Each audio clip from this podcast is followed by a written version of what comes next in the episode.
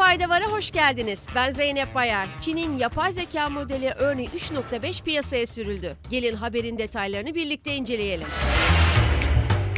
Çinli arama motoru Baidu'nun CEO'su Robin Li, şirketin çok yakında Baidu'ya güç verecek üretken bir yapay zeka dil modeli olan Ernie 3.5'i resmen piyasaya süreceklerini açıkladı.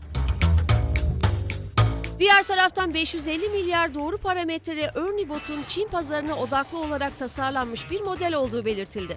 Ayrıca Çince'nin farklı lehçelerini bilen Ernie'nin sesli yanıtlar verebilmenin yanında Çince metinlerden görsel ve videolarda oluşturabileceği aktarıldı.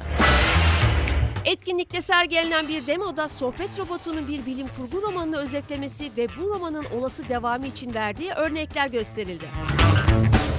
Neuralink'in insan beyni üzerinde çalışması için aldığı onay haberiyle devam ediyoruz. Milyarder Elon Musk'ın beyin çipi firması Neuralink, insanlar üzerinde ilk testlerini yapmak için ABD Gıda ve İlaç Dairesi olan FDA'den onay aldığını duyurdu.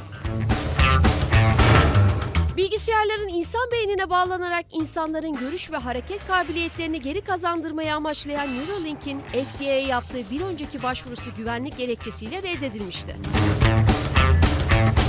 Sırada İngiltere'ye gerçekleşen tüm zamanların rekor göç haberi var. İngiltere Ulusal İstatistik Ofisi'nin yayımladığı verilere göre İngiltere'ye net göç edenlerin sayısı geçen yıl 606 bini rekor kırdı. Yapılan açıklamada söz konusu göçmenlerin Avrupa Birliği dışından Britanya'ya çalışmak veya okumak için gelen kişiler ile Ukrayna ve Hong Kong'dan özel vize programları kapsamında gelen kişilerden oluştuğu belirtildi. Verilerin açıklanmasının ardından ITV kanalına konuşan İngiltere Başbakanı Rishi Sunak rakamlar çok yüksek ifadelerini kullandı. Sunak göçmen sayısını düşürmek istediğini söylemesine karşın İngiltere'deki iş gücü kıtlığının olduğu bir dönemde bu sözü yerine getirmesinin oldukça zor olacağı düşünülüyor. JP Morgan First Republic Bank'i Mayıs ayı başında satın almasının ardından 1000 First Republic çalışanını işten çıkaracağını bildirdi.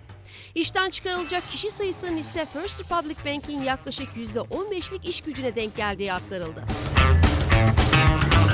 Konuya yakın kaynaklar JP Morgan'ın First Republic'in 7000 çalışanına geçici veya tam zamanlı roller için istihdam teklif ettiğini söyledi.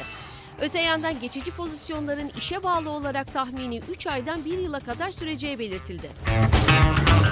Bugünlük bu kadar. Haftaya tekrar görüşmek üzere. Hoşçakalın.